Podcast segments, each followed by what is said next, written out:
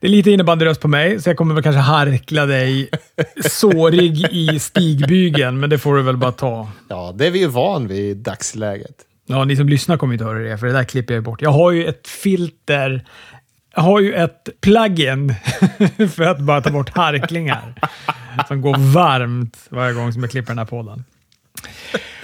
Först och främst, Starcast är tillbaka.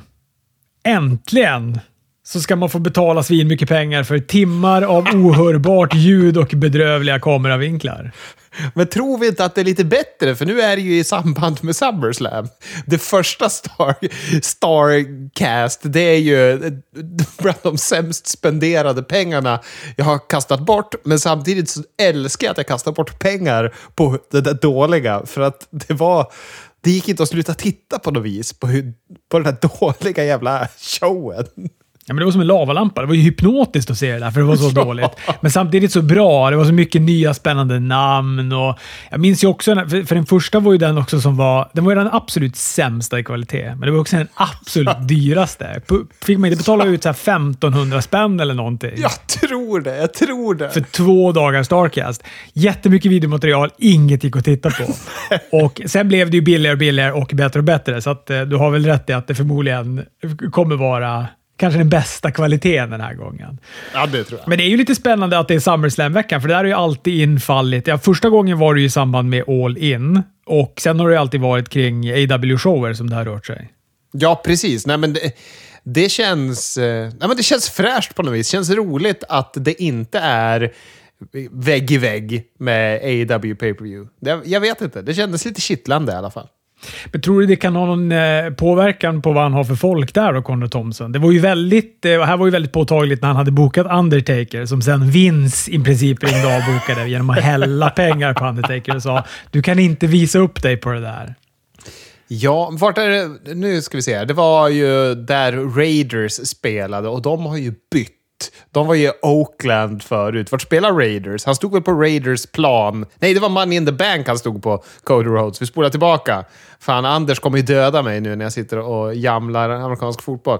Vart går SummerSlam? Jag vet faktiskt inte vart det är, men jag kan väl all, snabbt googla upp det.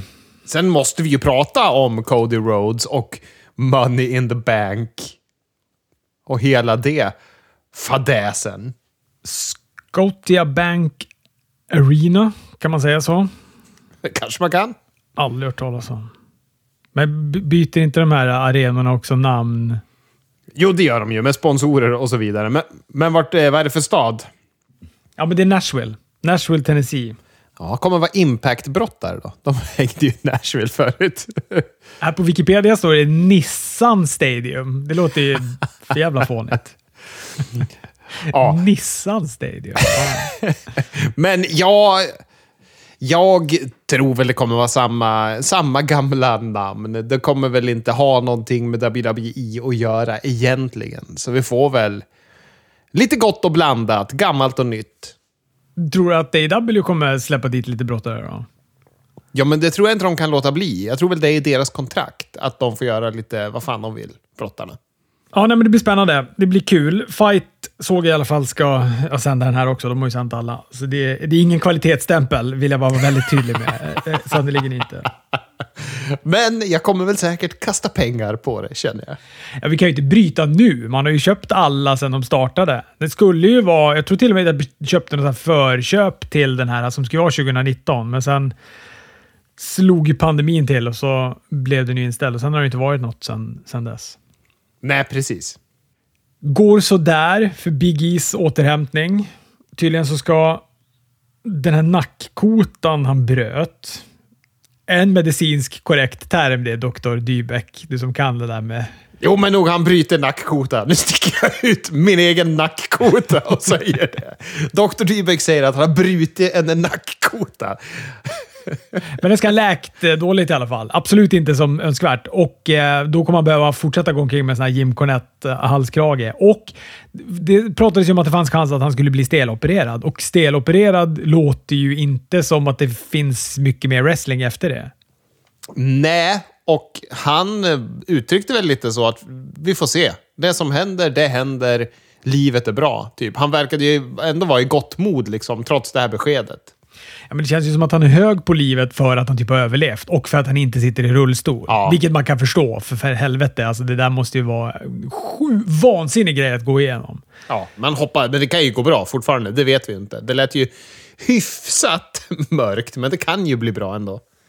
Sen tänkte jag prata lite om Kota Ibushi. Han eh, håller ju på att svinga vilt på internet mot eh, New Japan Pro Wrestling. Han anklagar dem för att han har blivit tvingad att jobba skadad. Han var ju med i den här G1 och då uttrycker han ju det som att han var, han var helt trasig när han, när han gjorde den. Borde egentligen inte ha varit med i den. Och då skadade han ju också sin axel. Vi kommer ihåg, jag kommer inte ihåg vilken match det var i, men han, han fick ju, slog väl axeln ur led eller något sånt där. Ja, du pratade om det på podden, va?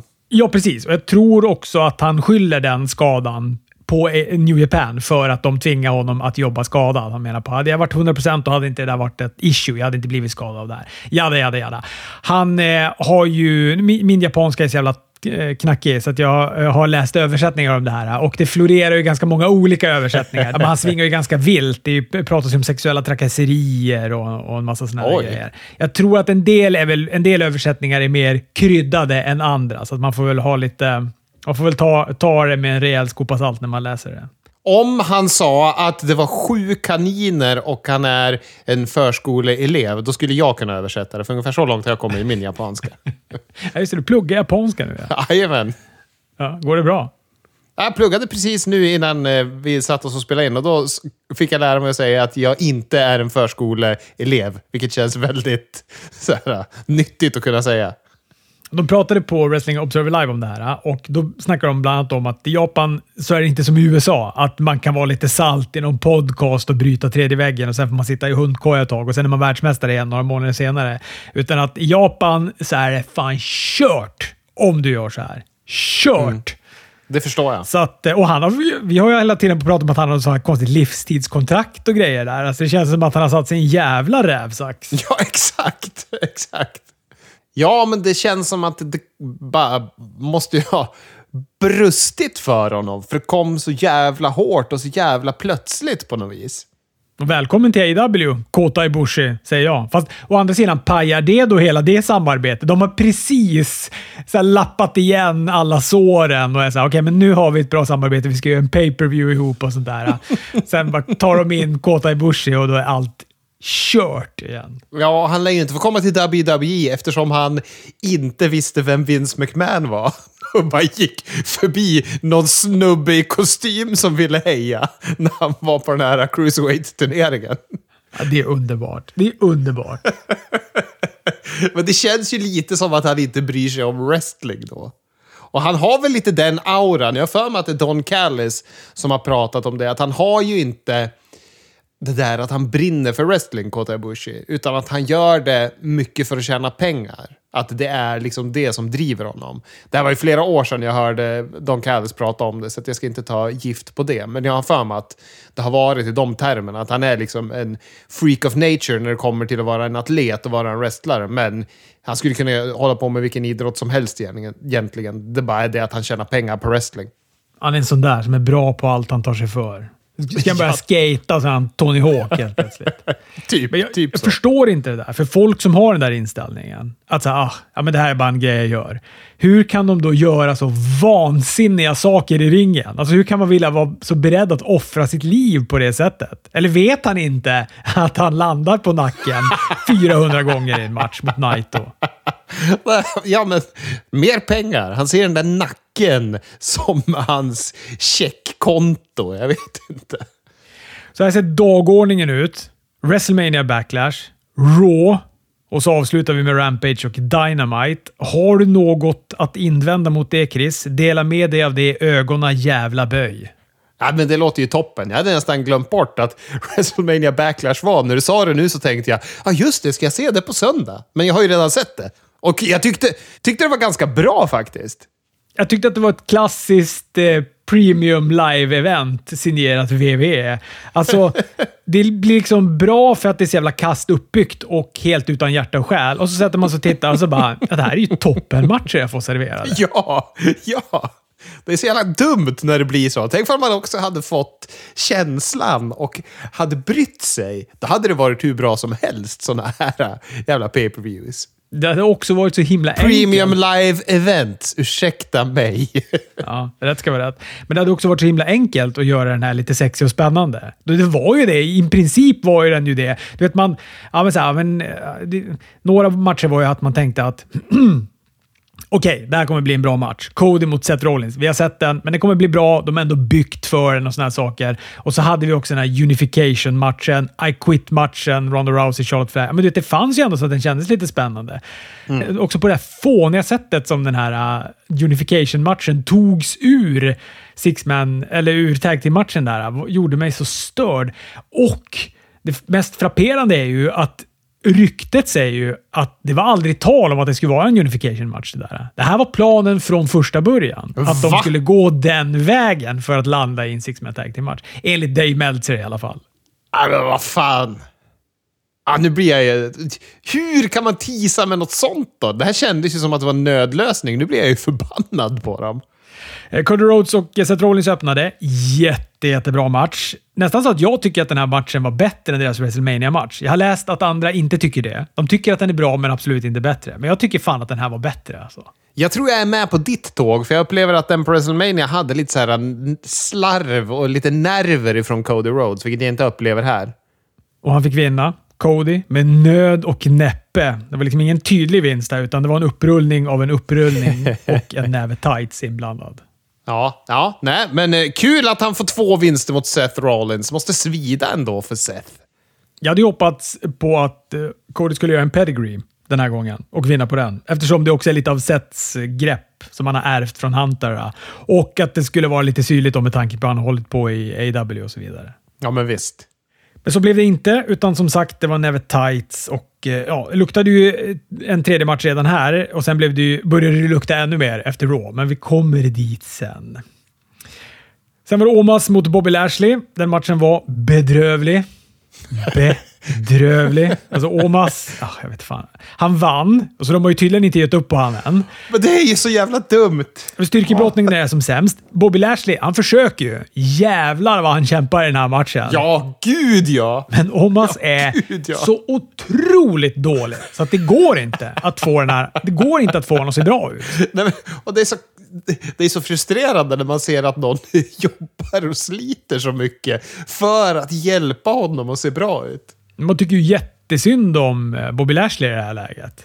Ja, han bara ger den han får en dålig match och en förlust. Och så är det också som att han har, man ändå bullat upp honom en senare tiden och här är det som bara raka vägen ner. Ja, MVP satte en käpp i iris på Bobby Lashley när domaren inte såg och då kunde Omas då vräka ner han med en tree slam och vinna. Ja, det var skit. Riktigt dåligt var det. ja det var det. AJ Styles mot Edge, de är ju smarta för de gör ju sån här varannan vatten-metoden med oss. Det är Ja, ju gud, ja. liksom bra match, dålig match, jättebra match. Och den här tyckte jag jättemycket om. Jag gillade den jätte- jättemycket. Och jag gillade verkligen slutet. AJ har momentum, in kommer Priest, men Balor hoppar på honom bakifrån och tar ut han. AJ står då uppe på topprepet, redo för en, jag vet inte vad, han brukar göra på topprepet. Inte en phenomenal forearm i alla fall. Men då kommer då en maskerad tjomme och puttar ner han när domaren är upptagen med att hålla koll på Balor Priest som nu då har stökat på så pass till en milda grad utanför ringen att de nu hamnar i ringen och sen rullar de ut igen. Behöver vi påminna om att Damien Priest var banned from ringside och att det var hela grejen med det här? Så jävla dumt. Men det blev förlåtet på något sätt här, kan jag tycka. Vad fan, man glömde ju det i hela stöket. Ja, Edge låser ju då upp den här nyligen nedputtade AJ Styles i ett submission. AJ kämpar, han kämpar, han kämpar. Han försöker ta sig till repet, men eh, grejar inte hela vägen. Somnar in och så visar det sig då att eh, den här eh, maskerade tjommen, det var Rhea Ripley som nu då har joinat Judgment Day och det här gillade jag massor. Jag tycker att hon kändes helt perfekt i spottet med Judgment Day. Är de förlåtna nu för att de har splittrat henne från Liv? Ja, det, ja, jo, det här tycker jag känns absolut mycket, mycket mer spännande. Jag är också så chockad för att det här kom som en chock för mig. Och Sen skriver jag till dig och Anders i den här gruppen och Anders säger så här, fast det här har ju vi pratat om för länge som, hur länge som helst och du säger också att du har pratat om i den här podden. Ja. Och jag har inte, inte ett minne av det. Nej, det kanske klipptes bort, likt Veer Mahan från YouTube, den jäveln. Men jag tycker det är intressant att Rhea Ripley är ju faktiskt tillsammans med Buddy Matthews som är med i AEWs variant av Judgment Day, House of Black. Jag tycker det är lite lustigt ändå. Ja, det är lite delikat att eh, hon är tillsammans med, eh, vad kallade du det? AEWs version av Judgment Day. Det där kan sticka i ögonen, eller i öronen på folk. nej, nej, nu ska jag vara. Jag är ju en sports entertainer, likt Daniel Garcia. Charlotte Flair och Ronda Rouseys I Quit Match tyckte jag också väldigt mycket om. Jag tyckte den var röjig och det ska de ju vara de där I Quit-matcherna. Ja, det var många gånger det kändes som att båda ville på riktigt fly från den andra när Kendo-sticksen flög hejvilt. Alltså, Ronda Rousey hon gjorde ju så att det vart fnöske kvar av den där jävla kendo-sticken. Ronda vinner med en armbar genom en stol och sen fick vi då storylinen att Charlotte hade skadats i den här armbaren. Brytit armen och hon ska väl bli borta ett tag nu då. Ska gifta sig med Andrade, sägs det. Ja, det är spännande. De som nyss hade gjort slut känns det som. Ja, men sen kom då det här segmentet som eh, har väckt eh, frågetecken. Inte bara bland dig och mig, utan jag har sett på internet så har det varit väldigt mycket snack om det här. Vi fick ju då veta att Money in the Bank blir en Stadium Show, ett Stadium Premium Live-event. Fan, det blir bara korviga och korvigare det där. Cody presenterar det här i ett videosegment och där man då lägger märke till att han säger, bara lite snabbt i slutet, där vinnaren får en titelmatch på WrestleMania.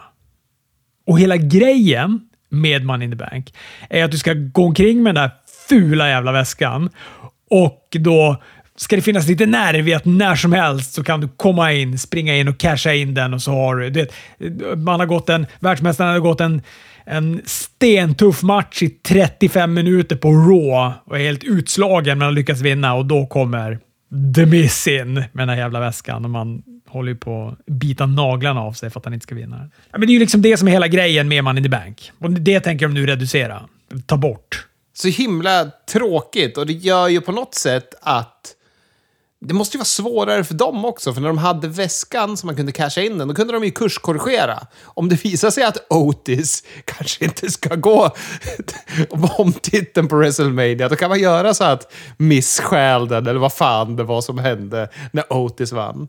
Ja, just det. Sen drog de det till domstol och då var det väl att, att, att ja, de ja. dömde väskan till Miss istället. Ja, det där var bedrövligt. Ja. ja. men det är exakt. Och eftersom Vince är så fruktansvärt att han kan vakna upp och bara “Vad fan har jag gjort?” så är det väl bra att de har den där typen av eh, kurskorrigeringsmöjligheter. Men det är också att det är så lång tid från nu fram till WrestleMania. Jättelång tid till april. Ja, det känns väldigt... Ja, det känns konstigt. Jag, jag är inte... Jag, de får gärna överbevisa mig, men som det är just nu så känns det fel. Eller jag, jag vet inte, jag blir orolig. Och sen, alltså för Royal Rumble är ju Royal Rumble och där får ju då vinnaren en match på WrestleMania. Det är sen gammalt. Det kommer de ju aldrig ändra. Nej. sen har de ju också haft de här Elimination Chamber-giggen också innan WrestleMania, där det då brukar ta fram en, en motståndare till den andra titeln, alternativt att titeln är på spel där inne och sådär. Alltså det har ju varit, nu är det så mycket som jag ska hålla reda på för vad som är den här jävla WrestleMania världsmästarmatchen. Men alltså nu har vi ju bara en titel också. Vad händer med Royal Rumble då? För om den som vinner på Money in the Bank ska gå på WrestleMania, den som vinner Royal Rumble då? ja, det har jag inte ens tänkt på. Då har du jätterätt i. Vad fan? fan gör, hur löser de det? Ja, har de koll på det? är min fråga. Nej, men det där är väl bara så... Det, det, här är så tydligt att de inte planerar på att de där titlarna ska vara unifierade särskilt länge. Utan när nu Roman har skrivit på det här nya kontraktet som gör att han då bantar ner typ 90% av allt han ska gå i wrestling. Han är till och med borttagen från Hell in a Cell. Så han är borttagen från massa pay per också. Det är inte bara house showsen som de har plockat bort honom från. Jaha. Så andas det väl att han kommer tappa båda de där titlarna och så ska de ut på varsitt eh, brand igen. Ja, just det. Drew McIntyre på Castle in the castle. Jag kommer inte ens ihåg vad den där även hette. Ja, men vi får väl se. Det var ju heller inget, eh, alltså det var inget fel, för att de körde ju hela den här grejen på Raw sen också. Så de hade de upptäckt att vad fan, vad står Cody och säger? ja, han är ju ny, så det är lugnt. Men då klipper vi bara bort det till när vi kör den på Raw. Men nej, nej, nej. De körde exakt samma grej på Raw också. Så att, eh, så att jag tror inte att det handlar om att han har sagt fel i alla fall. Happy Corbin mot Madcap Moss var rätt dålig. Jag tyckte den var slö och tråkig. Den gjorde ingenting för mig. Inte för publiken heller. De var rätt otaggade på den här. Men den var ju smart. Alltså man får ju, det här var ju likt Åmas-matchen. Alltså de bokar ju, de bokar ju sina premium live events smart. För att AW kan ju boka fel, både på veckoshower och på pay-per-views ibland, så att det kommer någon sån här match där man vill att publiken ska vara het, men de orkar inte med det. Men här gör de det ju smart. De kör den här uh, I Quit-matchen och sen så får publiken lugna ner sig genom att inte bry sig om Madcap Moss. Och sen får de plocka upp det igen. Liksom. Men de, alltså man kan inte bry sig mindre. Som den här publiken gjorde i den här matchen. Inte ens Vince jävla Thunderdome-knapp var särskilt exalterad över den här matchen. Då är det fan illa. Main eventet Drew McIntyre och RK Bro mot Roman Reigns och The Usos var ett eh, bra avslut. Jag tyckte det var lite slött i början, men det gör egentligen ingenting när de har en publik som är så fullständigt investerade. De bär ju, alltså deras, publikens entusiasm bär ju den här ganska långa pauseringarna som pågår inledningsvis. Men det tog fart mot slutet. Mycket handlade om att då bygga upp den oundvikliga kollisionen mellan Roman och Drew. Till slut hände den. Roman satte Drew genom ett bord med en rock bottom, till publikens stora förtjusning. Riddle och Jay Uso bytte knän och superkicks med varandra i ringen om vartannat. Riddle fick sedan in en RKO från topprepet. Roman satte en blind tag och bjuckade Riddle på en spear och avslutade kalaset. Mm. Ja, jag gillade matchen. Den tog sig som sagt mot slutet. Och det, var, det gav liksom en sån positiv känsla för hela showen, tycker jag. Man glömde Madcap och Omas när allt kom omkring.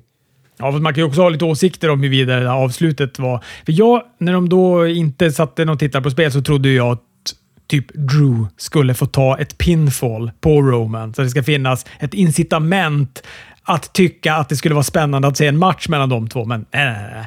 Roman vinner och han vinner genom att pinna Riddle. ja, ja, men det som ledde upp till det då, ska jag säga. Men nej, jag vet inte. Jag tycker alltid det är skönt att se Roman vara dominant nu för tiden. Jag är på det tåget. Ja, men det fi finns ju inget efterspel. Vad ska han göra nu? Nu är det ett Smackdown ikväll när vi spelar in det här på en fredag. Men vad ska Roman göra? Eller ska han bara så här, äh, hörni, jag ska ju vara lite ledig ett tag. Ska jag bara lämna titlarna här och så ses vi om något år igen? Det är så här, ingen kan vinna över mig. Det vore ju kung. ja, det vore fan kung. De bara, nej men vi har, tyvärr har vi jobbat upp den här jäveln så hårt och det finns ingen som vi kan sätta mot honom. Så att eh, han får bara lägga ner titlarna här nu och så blir det någon trött turnering som de ska köra. Åh, oh, gud. Och på Raw, då är vi tillbaka igen på RK Bro mot Street Profits, som vanligt. Men det är också en bra match när de går mot varandra.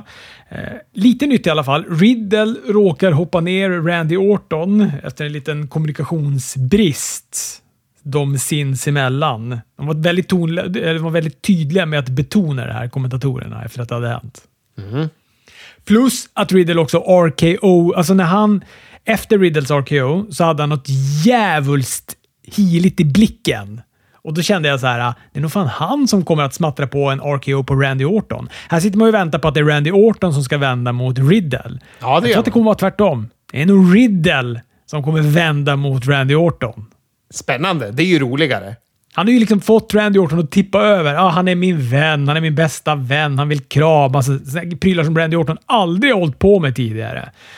Och så är Riddle den jävliga som är lömsk och som kommer vända mot honom. Ja, men det gillar jag. Den teorin tycker jag vi kör på. Fan, apropå Randy Orton. Gud i helvete vad över den mannen är. Det känns som att han är, man kommer inte ihåg riktigt, men det känns ju som att han är mer över än någonsin nu. Å andra sidan, återigen, det är bara typ Roman Reigns som är en stor stjärna. Förut var det som att han fick brottas med eh, att ha en massa andra stjärnor också som var, skulle vara i rampljuset. Men, men nu är det ju... Ja, det känns som att han är typ det största de har. Ja, jo men så är det ju. Ja, ja, jag hoppas i alla fall att det dröjer. Jag tycker inte de behöver bryta upp Arky Bro än. De funkar ju fortfarande kalas ihop. Sen gillade jag att de hade placerat han, den där mobbade killen, på pre-show. Vad fan är han heter? Kevin Patrick, va? Kevin Patrick. Ja. Man hade placerat han på en liten platå ute vid entrén, likt som Mean Gene intervjuade brottare för 200 år sedan. När han pratade med Theory om hans match mot Cody som komma skall. Jag tyckte det var snyggt. Jag håller med, jag håller med. Jag vurmar ju lite för den här stackaren nu, så det är skönt att de, de ger honom något, att de försöker något med honom.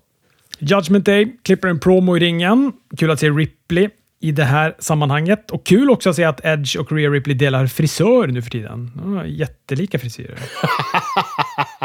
det har de verkligen. Sen får vi se då en match där Rhea Ripley Men vi måste ju backa. Vi, ja. vi måste ju backa, för vi måste ju prata om hur Damien Priest är kung och tvingar publiken att ställa sig upp. När han säger det först så reagerar inte publiken. Han vill att de ska ställa sig upp inför Judgment Days nya medlem, Rhea Ripley. Ingen gör någonting. Och sen så ryter han i, likt en arg jävla lärare.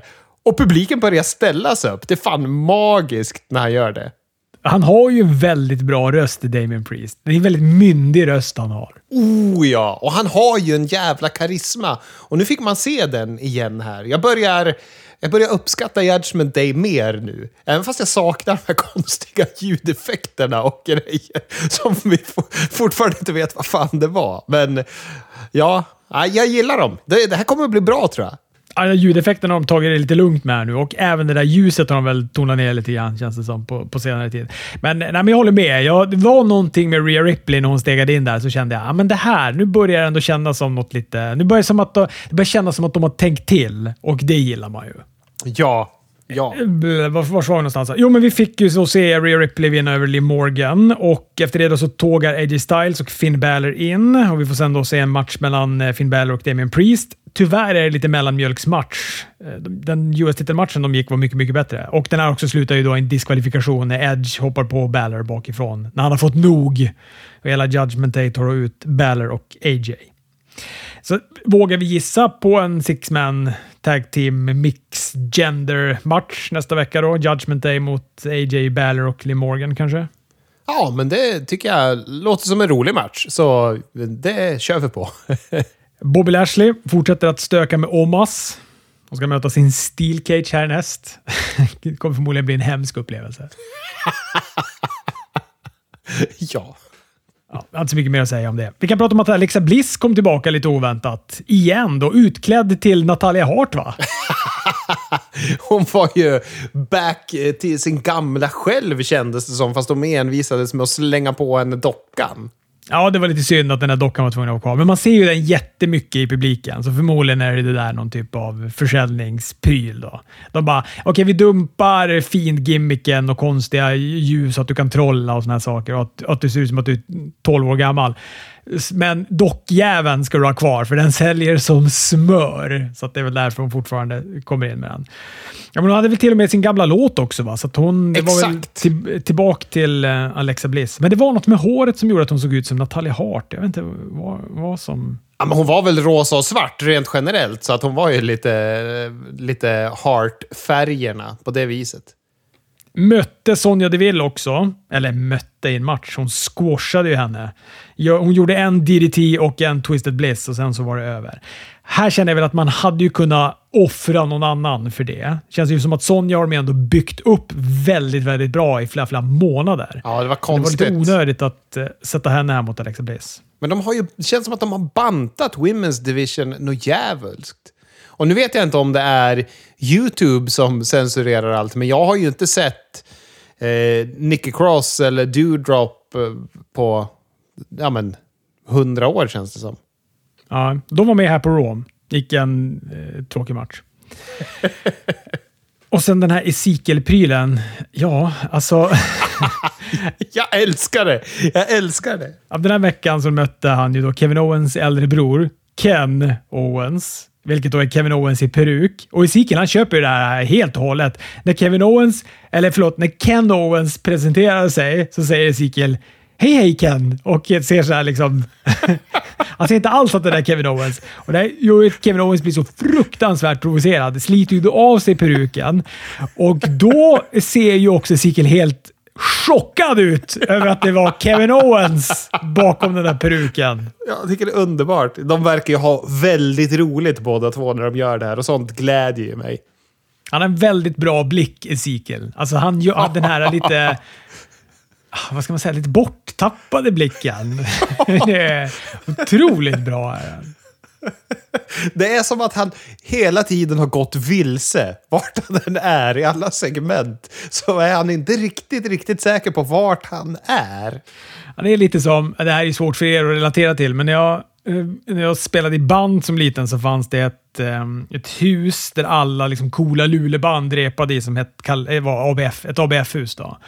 Och där var det en kille som, som var ganska känd i dödsmetallskretsar som kallades för veckan. Han jobbade där, liksom satt i, i repan och, och, och så varje gång som man kom in där och så sa man så här, hej hej, ja, vi, vi ska repa. Så tittade han på en som att man så här, Va? Det är som att här, men vadå, vi bygger ju farstutrall här inne. Här finns inga replokaler. Man har den blicken. Och, så sen så, och det där var återkommande. Vi repade kanske tre gånger i veckan. Vi träffade ju tre gånger i veckan och varje gång såg det ut som att det där var mer ett, ett ställe där det producerades farstutrall än fanns eh, Marshall-stärkare och dubbla baskaggar. Och det var även så när man kom sen och skulle lämna tillbaka nyckeln. Då var det som att han sa, vänta, vad, vad- vilka är ni och vad gör ni här? Vad fan är nyckeln? Det är den blicken har Ezekiel. Den blicken har han. Vi kommer ju alla nu, när du berättar den här anekdoten, se Ezekiel sitta där i någon jävla bandtröja och, och vara förvirrad. Veer Mahan mördade ännu en jobber. Cody och Theory hade en bra match. De byggde verkligen för Theory här. Han fick, eh, han fick väldigt, väldigt mycket och det är väl bra å andra sidan att han får det. Men eh, Ja, gud ja. Men de ville ju verkligen få det som att han skulle vara likvärdig Cody Rhodes, vilket jag inte tycker att han är. Nej, gud nej. Men de är ju så hög på theory. Det är ju framtiden, tycker de. Det, det är så intressant det här, för han var ju verkligen in the doghouse när han... För han var ju en av Seth Rollins lärjungar. Sen vart det ju det här speak out och då försvann han. Sen dök han ju upp på NXT igen och sen så kommer han tillbaka och nu är han ju liksom the shit för Vince McMahon. Eh, avslutet blev inte helt otippat en diskvalifikation efter att Seth Rollins gav sig på Cody. Satte sedan en curb stomp på Cody på kommentatorsbordet efter. Så att, eh, ja, som jag sa, här började det då lukta otroligt mycket en tredje match. Men det är intressant om de ska gå en tredje match. Ska Seth Rollins förlora tre gånger i rad? Eller ska Cody ha vunnit två och Seth Rollins vinna en? Och då kan man ju tycka att dramaturgin är bananas. För då borde väl kanske Cody vunnit första, Seth Rollins vunnit andra och så har de en tredje och sista match för att avsluta det här då. Ja, det kan man ju verkligen tycka. Men vad är nästa pay-per-view? Är det Money in the Bank? Eller, eller pitchar de den för att den kommer senare? Eller? Vad är nästa pay-per-view? Ja, de, pit- de pitchar nog den bara för att det är en Stadium Premium Live Event. Jag tror att um, Hell in är väl nästa pay-per-view tror jag. Ja, just det. Det är det ju. Det är ju. Ja, konst. Då är det verkligen konstigt. Då- Ska han få vinna tre på raken? Jag fattar inte. Jag, jag, nej, jag är lite lost. Jag ser ut som Ezekiel när jag tänker på det. Eh, liksom räkan i ABF-huset. eh, sen fick vi då som inte kollade på YouTube-versionen se Sasha Banks och Naomi vinna över Doudrop och Nicky Ash. Det var ingen ny gimmick på Nicky Ash, å andra sidan inte sparken heller, så det är alltid någonting. Och när den här matchen är slut så bokstavligen tågar The Miss in. Hans musik kommer igång. De sitter tror jag fortfarande kvar i ringen, Doudrop och Nicky Ash. Så först trodde jag att, att han skulle göra något med dem. Aha, ska han vara deras manager nu eller någonting? Men då ser man att han kommer in i domartröja. Och då ska han då vara domare i matchen mellan Champa och Mustafa Ali. De fick ingen entré, men domaren fick en entré och eh, Champa vinner på grund av att Miss räknar rekordsnabbt. Och ska också tilläggas att han räknade rekordsakta när Ali tog pinfall. Så det är ju Ali mot The Miss då, det är där upplägget finns. Men hur var matchen då? Var den bra? Ja, det var ganska kort och Jaha, okej. inte så mycket att säga om. Jag tror att i de där lägena så blir man så frustrerad på... Ja, men jag blir ju först frustrerad att de får, att The Miss får en entré i en jävla domartröja och så står bara Champa och eh, Ali i ringen. Man bara, det är liksom... Ja, jag vet inte. Och varför blir jag ens upprörd? Varför blir jag ens upprörd? och varför är Demis domare? Jag har inte fått det förklarat varför han är domare. Vem har gett han befogenheten att vara domare helt plötsligt? Och då har de haft hela den här grejen med Sonja Deville, att hon, ja, hon utnyttjar sin maktposition och har gått alla de här matcherna mot Naomi. Och, ja, men hela den grejen. Och hon fick ju typ sparken på Raw av eh, Adam Pearce för att hon hade missbrukat ja. sin makt. Men här, då steg Ademis in och har domartröja på sig och räknar jättesakta när Alia pinfall och räknar supersnabbt när Champa tar pinfall. Men det behöver de inte förklara för mig. Jag älskar att du brinner för det här. Jag älskar att du är förbannad över det ja, men Champa mot Ali skulle kunna vara en jävla toppenmatch om den fick 12-13 minuter på ett vettigt pay-per-view med ett vettigt upplägg. Ja, men gud, jag ja. kommer inte ens ihåg den matchen. Jag blir arg för att du frågar mig hur bra matchen var. Jag kommer fan inte ens ihåg den, för jag var bara arg på allt det här andra som existerade runt om. Ja, ja vi hör det. Main eventet var tre minuter långt. Bianca Belair och Aska slutade i en diskvalifikation. Det här var alltså kvällens tredje diskvalifikation på Raw. Ja, Aska vände en KOD till en armbar. Belair fick upp Aska i en powerbomb. Då passade Becky Lynch på att hoppa på Bianca och vi fick då den här diskvalifikationen. Det är fan imponerande hur slöa de är ibland. Alltså att de inte orkar skriva stories överhuvudtaget. Här är det ju som att de bara vi, vi efter Cody mot Theory. Bara, vad ska vi göra sen? Ja, ja, ja, vi gör något. Jag vet inte om det här har med den här basketen att göra. Att de, de för vet att de kommer att ha helt bedrövliga tittarsiffror och skiter i det.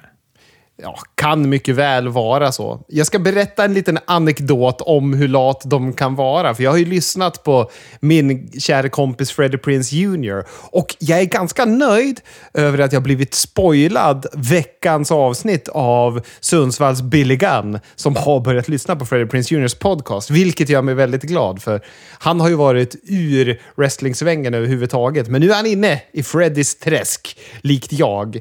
Men eh, veckans avsnitt var en djupdykning i Dolph Ziggler.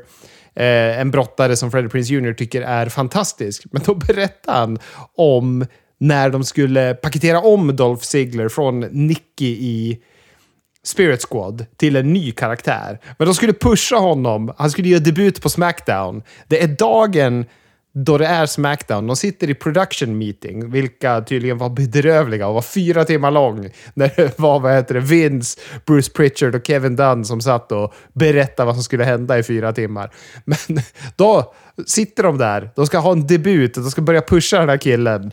Men de har inte ens kommit på vad han ska heta dagen då han ska göra debut. Så de börjar spitballa fram namn och då är det Brian Gewirtz som säger att ja, men han borde heta Dolph Diggler. Nej, men det är ju från Boogie Nights, tycker Freddie Prince Jr. Ja, ja, men då får han heta Dolph Ziggler, säger Bruce Pritchard. Ja, men det är ju värdelöst. Ja, men har du något bättre namn? Nej, det har jag inte. Sean Wayne, som John Wayne. Det är i alla fall bättre. Nej, han ska heta Dolph Ziggler. Och vad heter det? Och sen kommer Vince McMahon med att han, han kommer... Han ska gå runt och presentera sig. Va? Ja, det är hans grej. Han ska presentera sig.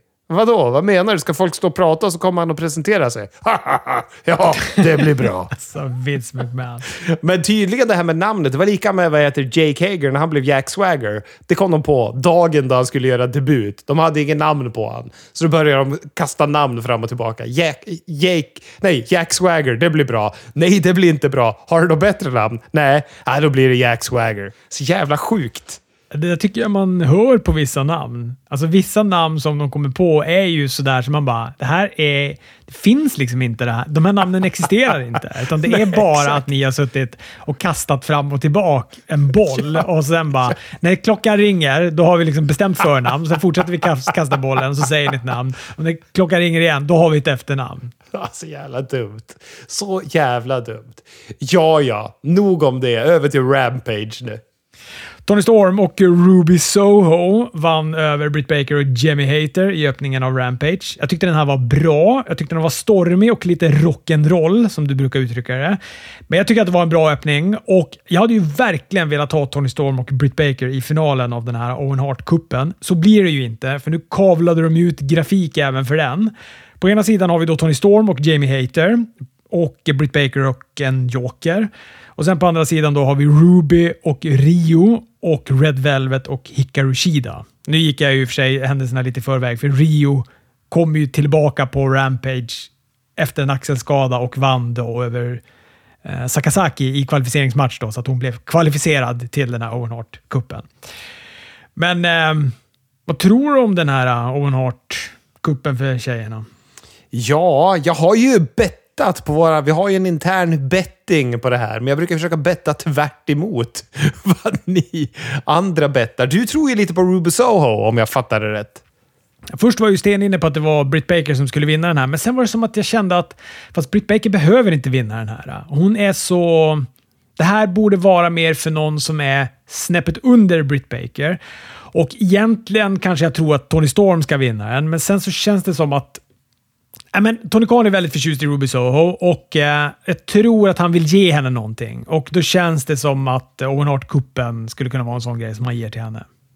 Alltså, jag, så här är det. Jag tycker Ruby Soho är super hon verkar vara en supertrevlig människa. Hon verkar vara jättehärlig utanför ringen. Jag tycker att hon inte har imponerat ett dugg i ringen sedan hon kom till AEW. Jag skulle vilja se att det går bra för henne i den här turneringen och att det skulle kunna vara någonting som liksom ger henne någon legitimitet som brottare i AEW. Men jag tror att de kommer ge Owen Hart-kuppen eh, till Tony Storm faktiskt.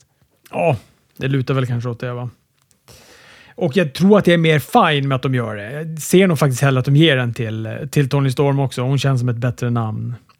Men, eh, nej, jag håller med dig om, om Ruby Soho. Jag tycker inte att Ruby Soho har varit bra sen hon skadade sig i VV. Alltså det var typ innan där. Nej, nej det har du rätt i. Det var innan hon skadade sig i VV som hon hade jobbat upp lite momentum som man kände så här, men hon är ganska bra. Och sen efter skadan, tycker jag aldrig hon återhämtade sig riktigt efter den. Nej, jag håller, jag håller med. Håller helt med. Eh, Hook gick mot JD Drake, vann. Ingen trodde någonting annat.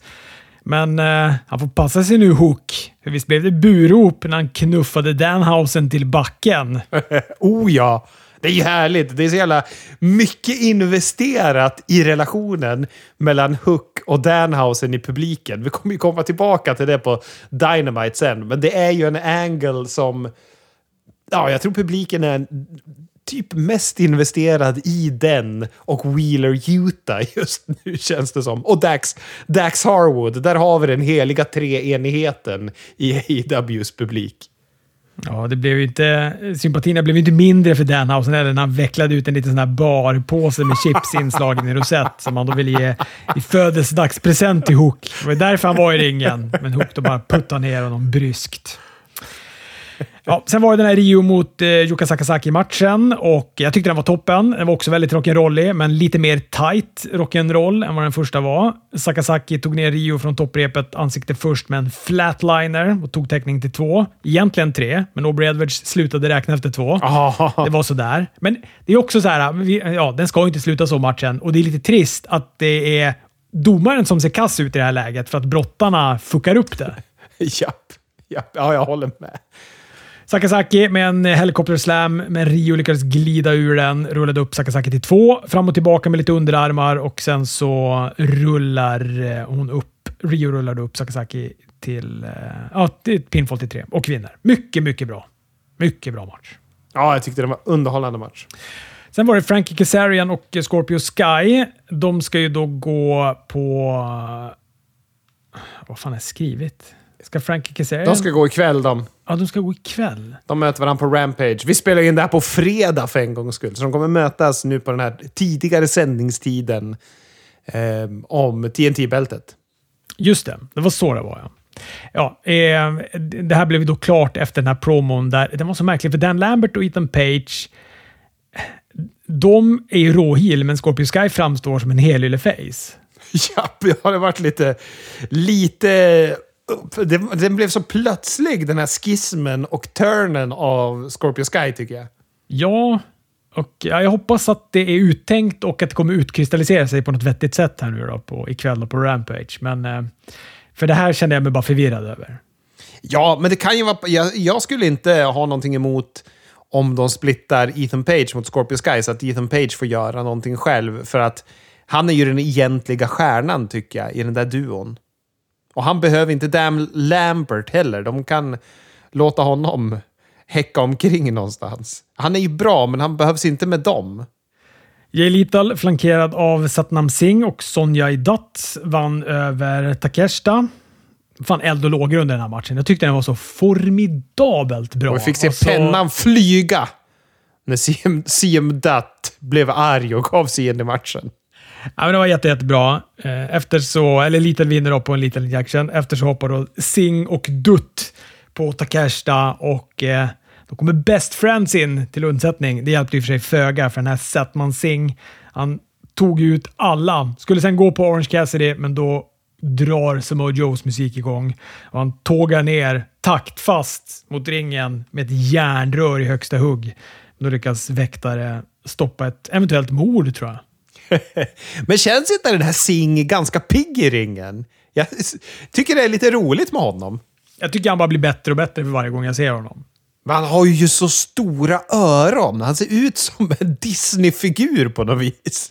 Ja, det är väl härligt. Det ska han ju ha när han är sån bjässe.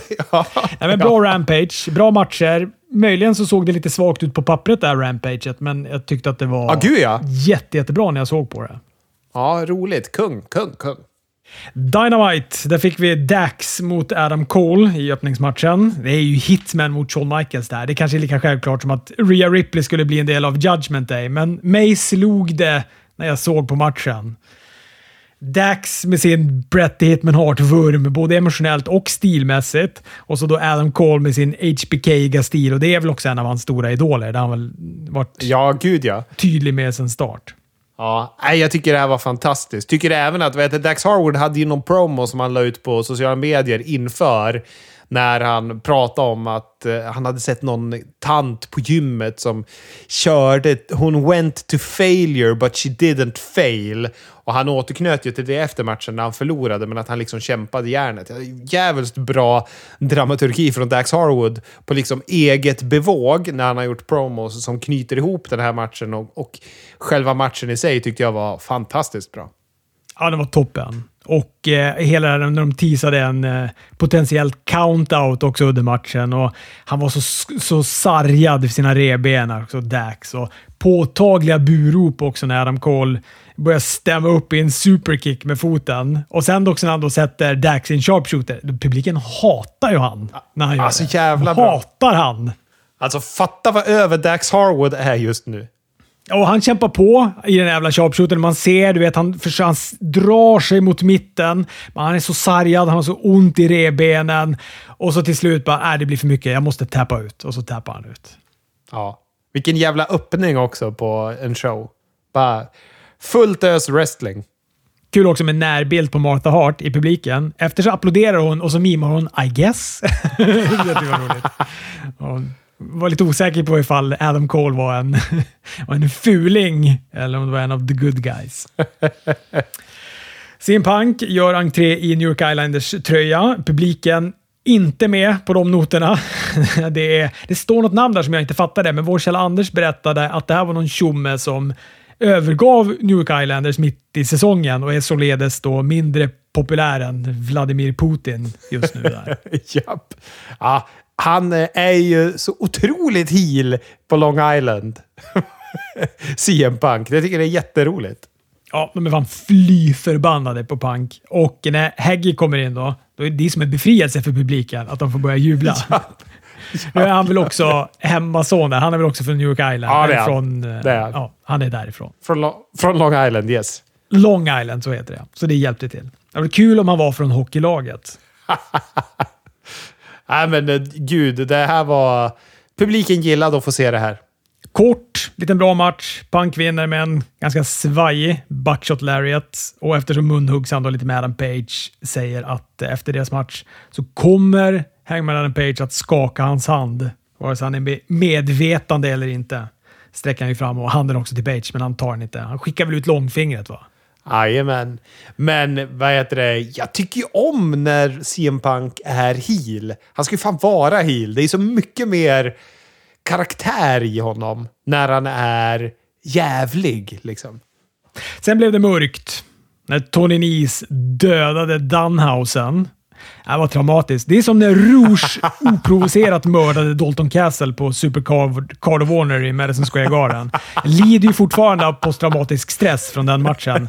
Det gick ju till på exakt samma sätt, fast Rouge då sprang in shotgun dropkicks istället för knän som den här jävla Tony Nese gjorde. Jag tyckte det var ett fantastiskt segment. Hela segmentet. Det kommer ju hända mer saker. Och nu slår jag till micken i exaltering för att jag tycker att det var så mycket publikengagemang. De var så otroligt förbannade när Tony Nees däckar Danhausen med en jävla manöver. Och han står där och har en perfekt kropp, likt Rick Rude, mitt i ringen med sitt jävla åttapack och bara njuter med att vara the premier athlete. Ja, jag tycker om Tony Nees. Så kan det vara.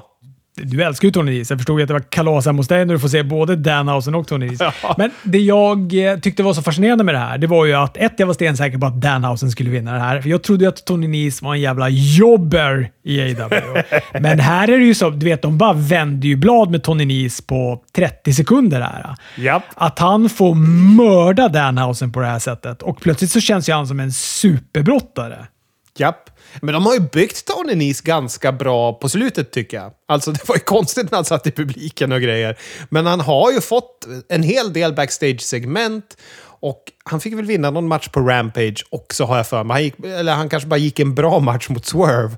Men han, han känns som att eh, han har fått göra mycket i alla fall. Och eh, som du säger, här byggde de ju honom på 30 sekunder. Så där kan man ju göra någon till ett hot. Svinbra tycker jag. För Danhausen behöver ju inte vinna. Danhausen är över vad han än gör. Ja, att han skulle ha vunnit över Swerve Strickland, det är bara önsketäckande från dig, Chris Dybeck. Det har han verkligen inte gjort. Men jag känner väl så här, ja absolut, det är lite mer än att han sitter bara i publiken som han har gjort innan. Okommenterat suttit ringside. Men det är fortfarande så här, ja han har haft lite pratsegment och han hänger med Mark Sterling och eh, absolut, Mark Sterling, men det är ju inte det är ju inte Dan Lambert eller Paul Heyman vi snackar om när det är Mark Sterling. Han är ju fortfarande en jävla tjomme. Men har du sett Mark Sterlings internetkampanj när han försöker få folk som har blivit cursade av Danhausen att höra av sig till hans telefonnummer så han ska kunna stämma Danhausen? Han har gjort videos där det bara “Are you suffering from a curse?” och så är det en massa så här, vad heter det, från, från olika arkiv med bara folk på kontor som jobbar som har blivit cursade av Danhausen. Det är fantastiskt ju. Ja, det är ju jätteroligt att han, att han försöker jobba upp någon sån gruppstämning mot Danhausen. Ja, Jätte, jättekul. Nej, men, och jag tror också att det var att publiken hade sett så mycket fram emot att nu få se den här filuren Danhausen brottas. Vad är det för människa? Kan man ens brottas? Du vet sådär. Och så kommer då Tony Nese in och bara slår sönder den förväntningen. Och det grövsta. Ja, det är kung! Oh, jag blir så glad. Jag sitter här med världens största leende. Fan, Tony Nis, Han är ju Mr Ratings. En halv miljon som hade tittat på det klippet ändå på, på YouTube här på fredagsmorgonen när jag tittade. Efteråt så kommer i alla fall Hook in då. Han tar ut Sterling och jagar ut is. En skakad Danhausen ställer sig upp och då sträcker Hook fram handen och eh, skakar hans hand. Så nu är ju då Hookhausen på riktigt. Ja, och den pop de fick då, det var fan... Ja, det var Road Warrior-klass på den poppen. Helt sjukt vad publiken engagerar sig i Hookhausen. Men jag förstod det också som att de fick en tag team match på Double or Nothing. På deras pre-show. Jajamän. Mot Mark Sterling och Tony Nese. Mark Sterling kommer ju dö av Hook. Kontraktskrivning. Ja, det här var fan ett main event. Jag älskar den här kontraktskrivningen. Det är, det är som mitt, mitt, det värsta segment jag vet inom wrestling. Fast när AW gör det så blir det ta mig fan det bästa. Alltså. MJF är på topp här. Nu är han ju också hemmason, så publiken är också på topp. Stipulationen han får in är ju då att eh, om Wardlow vill gå den här matchen mot MJF på Double or Nothing, då ska han först bli piskad tio gånger. Sen ska han möta Sean Spears i en steel cage. Det här gillar ju Wardlow. Han blir glad att han ska få mörda Sean Spears i en steel cage. Men då berättar ju också MJF att han ska vara domare i den matchen. Och att Wardlow har förlorat två gånger i Steel Cage matches och aldrig vunnit är han ju snabb med att påpeka. Just det.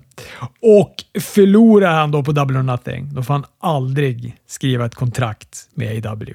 Ja, och vi får fan inte glömma hur det här segmentet började. När man tror att man får en trailer för nya säsongen av Dark Side of the Ring. Ja, just det. Ja, det var briljant. Jericho voicear och det är bara en massa klipp. Då. De, de trailar ju upplägget mellan Warlow och MJF. Som om det vore ett nytt avsnitt av Dark Side of the Ring. Ja, det var toppen. Och när man ser dig filmat som Dark Side of the Ring också, så vi har ju Taz som blir känslofull och sitter och grinar och måste avbryta intervjun. Och vi har när de, när de ska dramatisera CM Punk mot MJF-matchen, när Sean Spears spelar CM Punk i bakgrunden. Det var så jävla roligt och så jävla snyggt också, hela det här klippet. Det var, har ni inte sett det så gå in och se bara det klippet i alla fall, för det var så jävla bra. Det är, och börjar också hålla med dig med Sean Spears. Han blir också bara bättre och bättre för varje gång. Nu, jag köper han nästan här nu i sin fula frisyr och den här vita. Nu hade han i och för sig höga skor på sig, så nu slapp du se ifall det fanns strumpor på eller inte. Ja, men de var inte på. Det vet vi. Wardlow han signar i alla fall det här kontraktet. Sen blir det sedvanligt stök efteråt. Han ska spö upp 300 väktare som säljer med väldigt varierande kvalitet. Alltså det är en de flesta är bedrövliga, men det är en framför allt. Han ska då göra en close line över topprepet, men den här snubben lyckas inte ta sig över topprepet. Wardlow går vidare, men 36 sekunder senare då kastar sig då helt plötsligt den här jävla väkten över topprepet. Jag försöker igen, och så bara helt på egen hand rullar han ut. Ja, ja. Ja. Ricky Starks vann över Jungle Boy, behöll Fuck the World-titeln. Jag tyckte det var en jättebra match. Swerve Strickland sabbade det för Jungle Boy. Det var i och för sig inte meningen, men ändå. Han kom in eh, under den här matchen då för att Starks och Hobbs höll på att fula lite grann. Domaren fick ju då fullt upp med att hålla koll på han och missade då att Jungle Boy pinnade Starks till 36. Och när domaren då är åter i ringen, då får Starks in en Rochambeau och vinner matchen. Ja, och så fick vi upplägg. En three-way match va? Ja, för Kit Lee kommer in. Hobbs är ju då på plats och alla sex plus Christian står och stirrar på varandra. Så att det ska bli någon sorts eh, triple threat tag team match om tag team titlarna där. Eller alla står inte och stirrar på varandra. Jungle Boy han står ju fan och skäms i ett hörn. Och sen kommer ju då Christian och tröstar han med en passivt aggressiv kram. Det är dit han har kommit nu, Christian. Eller passivt aggressivt kramande. Ja, men det är tydligt att han kommer vända på Jungle Boy vilken dag som helst. Men då har de byggt det hur länge som helst, vilket är spännande. För det, vi har ju känt det i över ett år, va? Att han ska vända mot honom. Ja, jag tror ungefär lika länge som uh, Julia Hart har haft det där svarta ögat. Det är väl uh, ett år, ett och ett halvt år eller sådär där snart. Nej, men, eh, jag har inte gett upp på det här. Jag tror att allting har en mening. Allt som man har börjat, påbörjat bygga, det kommer kulminera någon gång. Tänk när han släpper sin självbiografi, Tony Khan. The Excel Files. Och så får vi bara se Excel-arken. Det är något utvik i mitten. När man ser hur han planerade. Här anställde vi Cesaro som kameraman. Här debuterade han. Och så vidare. Det kommer i den här boken efter han har dött. Boken som heter “Jag bokade ihjäl mig”. En bok om Tony Khan. Oj, på Längst bak då får man ex, eh, Excel-arket. Ja, jag höll på att skratta av med hörlurar. JAS-gänget hälsar The AW Galaxy välkommen till deras segertal. Underbart. Ja. Men de hinner inte segertala så länge innan Moxley kommer in. Brian Danielson och Wheeler Utah kommer också in. Jericho är lite kaxig, säger det är fyra av er, fem av oss. Men då dyker Eddie Kingston, Santana och Ortiz upp bakom. Och sen blir det ett jäkla sports entertainment-stök. Det bästa är ju när Regal sänker Jericho med en rak höger till publikens stora förtjusning. Ja, han såg pigg ut, William Regal, när han gjorde det också tycker jag. Tony Storm vann över Jamie Hater i deras då första Owen Hart Cup-match. Möter nu då vinnaren av Britt Baker och den här jokern. Mm. Sen har vi fått veta att Chida är skadad, va? så att hon är ute ur leken och kommer vara ersatt av Chris Statlander.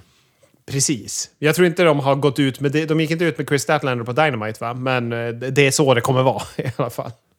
Main eventet var en eh, vansinnig match mellan Darby Allen och Jeff Hardy. Den får epitetet vansinnig på grund av den här sjuka jävla Swanton-bomben som Darby gör. Från stegen i ringen ner på en bädd av uppställda stolar utanför ringen. Alltså att, att han ens får göra det där är ett stort frågetecken. Att Darby vill och att Darby kan, det ifrågasätter jag inte för fem öre. Men att Tony Khan tillåter att han går potentiellt självmord i ringen på det här sättet, det är för mig ett frågetecken. Jag fattar inte att han får göra de här grejerna.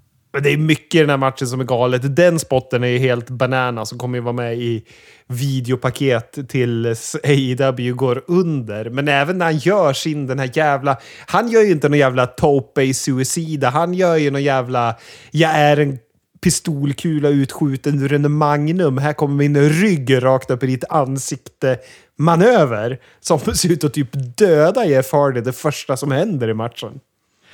Ja, han springer också så vansinnigt snabbt Darby när han peggar upp för ja. den. Ja, den är, den är, och sen så jag, han faller ju som ner, han faller ju dubbelt på Hardy. Alltså Hardy ser ju, nu tyckte jag att Hardy såg i och för sig lite mer viril ut än vad han brukar göra. Än vad han gjorde i alla fall i förra matchen.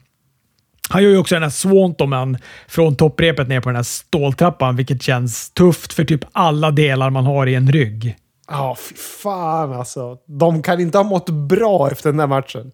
Jeff Hardy vinner, lite oväntat och från ingenstans. Efter att Darby då satt en coffin drop så rullar Jeff Hardy upp Darby och eh, ja, vinner. Sjuk match. Ja, lite tråkigt.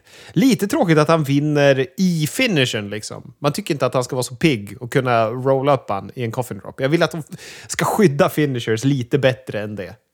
Jag hade också hellre sett Darby mot Adam Cole än Hardy mot Adam Cole. Oh, Skitsamma. Visst. Adam Cole kommer ju vinna hur som helst. Bra Dynamite, hörru!